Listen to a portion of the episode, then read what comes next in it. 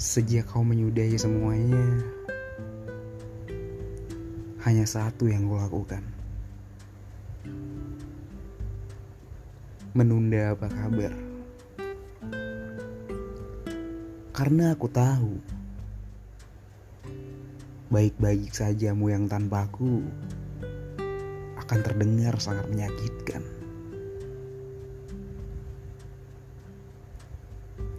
Dan lagi pula,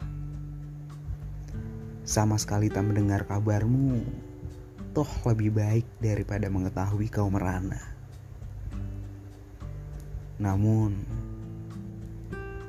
tak boleh berbuat apa-apa. Karena nyatanya,